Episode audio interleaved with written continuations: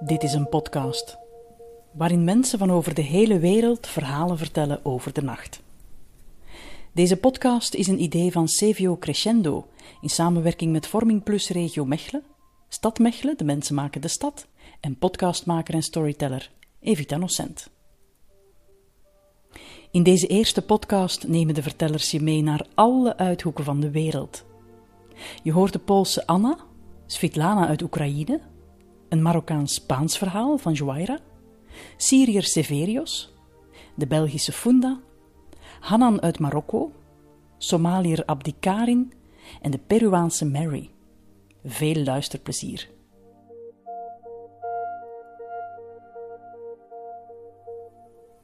In 2008 ben ik samen met mijn vriend op vakantie geweest naar eiland Kos in Griekenland. Ik was ontspannen, hoewel ik voor de eerste keer vlog. Op de laatste avond van de vakantie, wij deden mooie kleren aan. Ik droeg witte linnen broek, witte blouse met gele bloemen en witte sandalen. Ik schminkte mij en bruste mijn haar mooi. Mijn vriend droeg ook witte linnen broek en blauwe hemd met korte mouwen. Eerst vertrokken wij naar het restaurant. Ik was blij omdat ik bij mijn geliefde was. Terwijl we naar het restaurant gingen, we vast elkaar hand hielden. De lampen rondschenen en overal paalbomen stonden. We zagen mensen die eten gaan. In het restaurant luisterden we Griekse muziek. Alle mensen glimlachen. Er was een vriendelijke sfeer. Ik voelde lekkere geur van uh, het eten. We aten lekkere pasta met scampis en heerlijk chocoladetaart. Ik vond de avond geweldig. Nadat, uh, nadat we dessert opgeten, dronken we witte wijn. De wijn rook naar zoete druiven. Dan had mijn vriend idee om naar het strand te gaan. Buiten was het donker en stil. Ik voelde warme lucht. Op het strand waren we alleen. We keken naar de stralende sterren aan de hemel. De zand was zacht en warm. We hoorden het geluid van de zee en cicaden. Een krab rende over het zand. Ik vond jammer omdat het laatste avond op vakantie was. Ik was verrast wanneer pakte mijn vriend me vast en zette op een strandstoel. Hij knielde naast mij neer en stelde de vraag of ik met hem wilde trouwen. Ik zag een prachtige gouden ring met diamanten. Uiteraard ging ik akkoord. Ik vond dat ontroerend. Mijn hart klopt heel snel.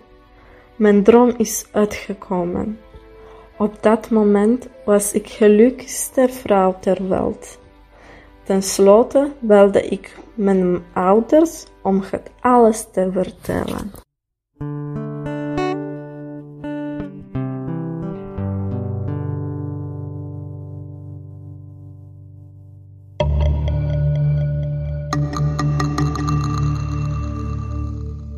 Ik vertel over mijn ervaring toen ik in Oekraïne als verpleegster in een ziekenhuis in nachtploegen werkte. Het was een warme zomeravond. Ik had een sommige onbegrijpelijk gevoel in mijn hart. Ik voelde dat er iets stond te gebeuren. Ik was die avond met huishoudelijk werk bezig. Ik strek mijn kleren en legde ze in de kast. Daarna kookte ik het avondeten voor het gezin. Na het eten rustte ik op het terras van ons huis. S'avonds had ik een nachtploeg in het ziekenhuis. Die begon van 22 uur tot 6 uur s morgen. Overdag was ik rusteloos. Ik stelde mezelf gerust dat alles in orde was. Mijn familieleden waren gezond, wat het belangrijkste was. Met deze gedachte kwam ik aan op het werk. Toen ik op de spoeddienst aankwam, hoorde ik de sirene van een ambulance. Het was een patiënt met een hartaanval in kritieke toestand. We hebben direct met de, het hele team van wachtdienst hartmassage toegepast met een defibrillator. Defibrillator is het apparaat van het hart met elektrische shock. Deze patiënt, zijn toestand was heel ernstig. We hebben met de collega's een half uur reanimatie toegepast. Na een half uur stopte de dokter de reanimatie, omdat deze patiënt overleden was. De dokter was vermoeid. Daarna dacht ik, ik zal nog zelf met de defibrillator proberen. Ik voelde dat ik nog meer moest proberen. Ik heb drie keer een elektrische schok gegeven. Het hart van deze patiënt begon te slagen. Ik voelde me heel gelukkig. De dokter zei, het is niet mogelijk, Svetlana. Na de ene maand kreeg ik een groot boeket bloemen van deze patiënt. Het was zo lief. Hij zei, dankjewel, je hebt mijn leven gered.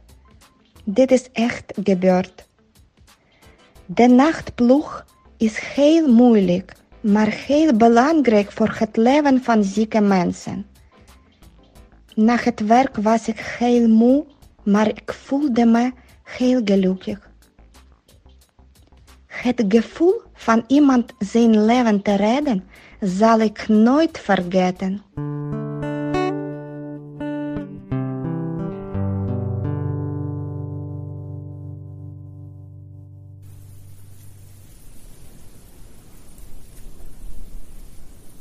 Ik ga een verhaal vertellen uh, van toen ik klein was. Goed. Het was een warme nacht van augustus 2016. Mijn ouders werkten. In dat seizoen werkten ze tot zeer laat in een restaurant. En in onze buurt was er een feest, georganiseerd door de gemeenschap van de buren. Daar waren we, op het feest. Ik, mijn zussen en een paar vrienden uit de buurt. Mijn kleine zusje, Wijdan, wilde naar huis om naar het toilet te gaan. Dus vergezelde ik haar. We gingen naar huis. Ze ging naar uh, de badkamer. Ik wisselde mijn schoenen, deed sandalen aan en stond buiten op haar te wachten. Toen zij wegging, liet zij de sleutel aan de binnenkant van de deur achter. Bang gingen wij op zoek naar onze oudere zus en vertellen haar wat er was gebeurd. Zij had het idee om de vader van een vriend van ons te zoeken die een politieagent was. Uit, uh, uit onze buurt en die ook op het feest was. Hij ging vriendelijk naar zijn huis om een ladder te zoeken om naar het balkon van ons huis te klimmen. Eenmaal op het balkon was, gelukkig de deur uh, open en kon hij uh, het huis binnengaan en de deur voor ons openen. Hij bleef daar tot onze ouders aankwamen en vertelde wat er gebeurde. Sinds die dag lieten mijn ouders ons niet meer naar buiten als er niemand thuis was. Sinds, uh, sindsdien heb ik uh, de les geleerd. En elke keer als ik uitga, ben ik heel voorzichtig met de sleutel.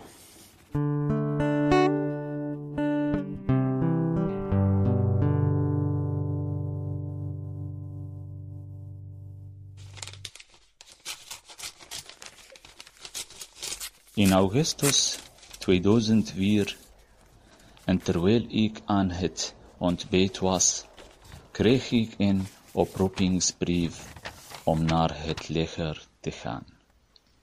Ik had een week om te vertrekken, dus ik begon afscheid te nemen van mijn vrienden en mijn tanten en onkels. Ik voelde dat ik op het einde van een bepaalde periode in mijn leven kwam en een andere periode begon. De oorlog was nog niet begonnen in Syrië, maar toch was de legerdienst moeilijk. Omdat twee jaren niet weinig zijn. Dan begon ik mijn reistas klaarmaken. Het was tristig, omdat ik voor de laatste keer mijn bed in mijn slaapkamer en mijn familie ging zien. Dan vertrok ik met veel verdriet. Daarna nam ik met veel jongens de trein van onze stad naar Aleppo. Ik zag het verdriet ook op de gezichten van de andere jongens, want we waren naar een onbekende plaats gaan.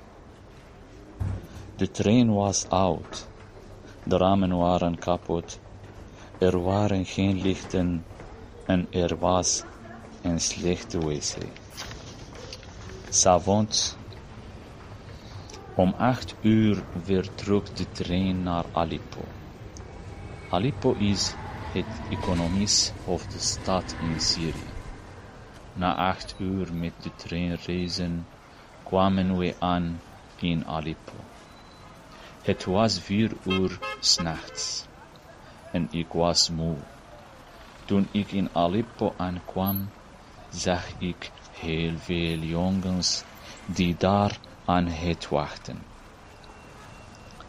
Ik ging alleen zitten om iets te drinken. Ik was in shock. Ik vroeg me af hoe deze periode zou verstreken. Ik moest op die plaats wachten, om te weten waar mijn passesplaats zou zijn.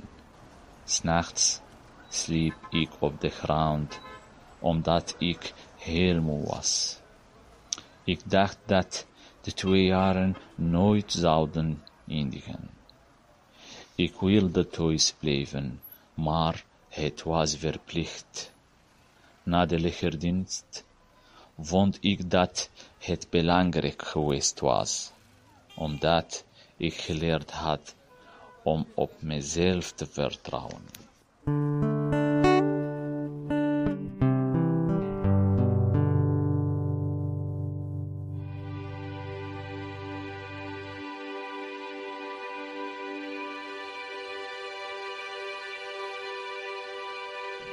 Negen jaar geleden was ik zwanger van mijn dokter. Ik was voldragen, maar mijn dokter wilde niet komen. We besloten dan met mijn gynaecoloog om de bevalling te versnellen. Ik moet de avond ervoor terug naar het ziekenhuis, maar ik was bang om te bevallen. We kregen een kamer en ook een bed voor mijn man. Plotseling hoorde ik een vrouw. Ik dacht dat ze Congolees was. Ze schreeuwde veel omdat ze pijn had. Toen ik de vrouw hoorde schreeuwen, was ik nog meer in paniek en nog banger voor mijn bevalling. Ik was erg bleek geworden en mijn man probeerde mij van mijn angst te bevrijden. Na een beetje gekalmeerd te zijn, deed ik mijn pyjama, pyjama aan en probeerde ik te slapen. Maar dat was onmogelijk. Mijn emoties waren heel anders, omdat ik bang was en ik wist dat ik binnen een paar uur een baby zou krijgen. Ik lag in bed en kon, ik, kon niet slapen. Ik hoorde een baby huilen, loopgeluiden, verpleegstersgeluiden. En dat maakte mij nog meer gestrest. Als ik nu een baby hoorde huilen in de winkel of in het park, herinner ik me dat moment. Het was drie uur s'nachts. Ik ging naar het toilet en ik verloor water. Ik belde de verpleegster. Zij, zij zei me dat de baby er nog niet was, stelde me gerust nadat ze mij controle had gehouden. Ik moest heel lang wachten, uren gingen voorbij en ik kon niet slapen. Plots begon ik pijn te voelen en belde de verpleegster. Ze gaven me een rukkenprik en daarna wachtte ik op de gynaecoloog. En toen kwam mijn dokter ter wereld. Ik huilde van vreugde. Ik dacht, hoe zal mijn dokter eruit zien? Zal ze gezond zijn? Toen ze het op me legden, zodat mijn hele leven huid op huid veranderde.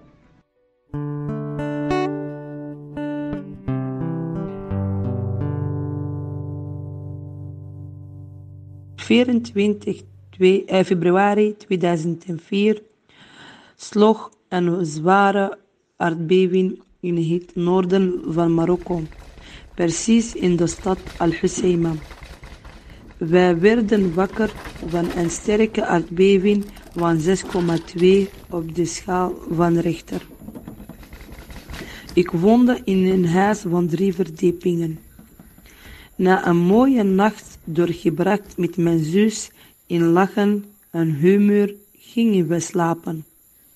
Toen ik sliep precies om 2 uur 30 s'nachts, voelde ik mijn bed begon van rechts naar links en van noord naar zuid schudden. Ik hoorde de glazen en borden op de grond vallen. In het begon begreep ik niets. Pas daarna wist ik dat een, het een aardbeving was. Ik begon te roepen en ik liep naar mijn ouders. Toen, ik toen de aardbeving gestopt was, liepen wij naar buiten. En daar hoorde ik de mensen huilen en mensen zochten hulp. En huizen vielen, de elektriciteit was uitgevallen. Het was echt een zwarte nacht, die dat ik nooit zal vergeten. Een echte nachtmerrie. Er waren 628 doden en 926 verwonden.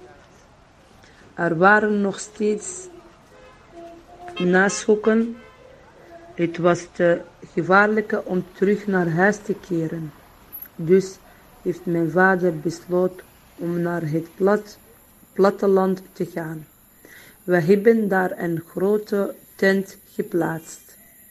Wij leefden daar een maand in onze voortuin van onze huis in het platteland. Na een maand zijn we teruggekeerd naar onze huis in het stad, maar we hadden nog steeds schrik. Het beeld dat het meeste indruk op mij heeft gemaakt, is de donkere nacht.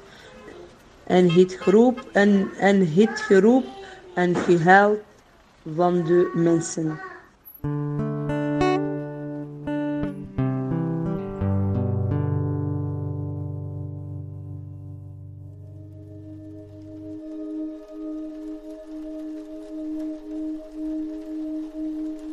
Ik was vroeger iemand die graag voetbal speelde. Ik speelde met, mijn, met vrienden van mijn dorpje. Een van mijn beste vrienden was Abdel Fattah. Hij was heel lief jongen. We speelden elke dag samen op één dag. Hadden we heel lang ge gevoetbald. Een stuk of vier uren. Tegen die avond ben ik terug thuis gekomen. Ik was heel moe en ik kon zelf niet eten. Niet eten uit. Vermoeidheid. Ik viel in slaap en ik begon te dromen over voetbal. Ik dacht namelijk dat ik aan het voetballen was en trapte ik hard, hard tegen de muur en was mijn voet gebroken. Ik werd huilen wakker. En mijn moeder vroeg aan mij wat er aan de hand is. En liet ik mijn voet zien. Zij was erg ges geschrokken en begon ook te huilen. Zij wist niet wat zij moest doen. Toen riep zij mijn vader en hij kwam moeten thuis. Hij reageerde rustig en bracht hij mij naar een klein ziekenhuis bij ons in in het dorpje. Ik mocht na een dag weer terug naar huis. Het was een moeilijk moment voor mij, maar daarna is alles goed gekomen. En mocht ik na kleine anderhalf maanden weer voetballen.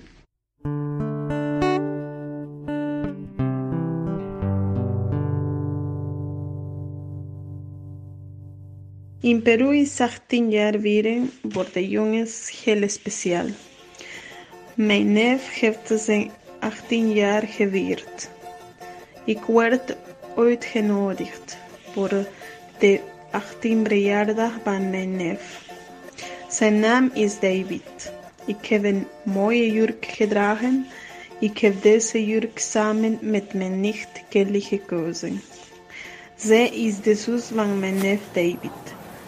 We hebben veel winkels, winkels bezocht om mijn jurk te vinden. Dan eindelijk hebben we mijn jurk gevonden. Mijn jurk was kort, paars en met een sjaal van dezelfde kleur. Ik had ook zilveren schoenen gedragen en ik had make-up op. We kleden ons aan met mijn nicht Kelly. Ze hadden een lange zwarte jurk en zwarte schoenen. We hebben veel tijd genomen om klaar te zijn voor het nachtfeest. We zijn samen met mijn broer Jaime vertrokken. Het feest was begonnen om negen uur. Toen we op het feest kwamen, was het heel mooi en goed versierd, met veel lichten. Ik zag al mijn neven en vrienden.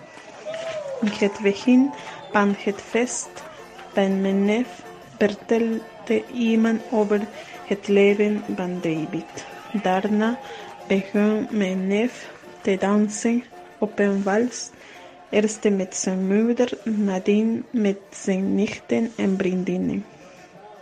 Na twee uur zag ik Luis met een groep andere vrienden. Hij wil me sinds de lagere school. Ik was verliefd op hem. Toen ik veertien jaar oud was, nam ik elke dag de bus om naar school te gaan. Ik zag Luis daar elke dag en daar ontmoette ik hem. Hij studeerde aan een Hall. He was aardig, beleefd and vriendelijk. It was verliefd op hem, maar hij wist het niet. Ik heb nooit gezegd, want ik was erg verlegen. Nadat ik de school gedaan had, en dan had ik geen contact meer met hem, tot la noche de la fiesta. Na zeven jaar, het feest van mijn neef, ik heb hem nog gezien. Hij had hetzelfde gezicht, gezicht zoals vroeger. Daarom herkende ik hem. Hij was heel groot geworden. Na enkele minuten is hij bij mij gekomen om hallo te zeggen. Hij zei alles goed, dat is lang tijd geleden. Voor mij was het een verrassing. Ik was gestresseerd, een beetje verlegen. Toen hij mij de dans vroeg, heb ik ja geantwoord. We hebben heel de nacht gedanst en we hebben ook veel gepraat. Die nacht heeft hij gezegd dat hij single was. Hij studeerde administratie aan de Universiteit van Lima. Daarom heb ik hem niet in Huancayo gezien, want hij woonde in Lima. Hij was op bezoek gekomen bij zijn ouders in Huancayo. Toen vroeg hij me of ik nog herinnerde dat we elkaar in de bus ontmoet hebben. We hebben ons de hele nacht geamuseerd. Hij vroeg me of hij me kon kussen. Ik antwoordde ja, omdat ik opgewonden was. Daarna vertrok hij en dan had ik geen contact meer met hem nadat ik naar België gekomen ben. Na vijf jaar zocht hij me op op Facebook. We spraken en daar vertelde hij me dat hij getrouwd was. Nu heeft hij twee kinderen en woont hij in Lima.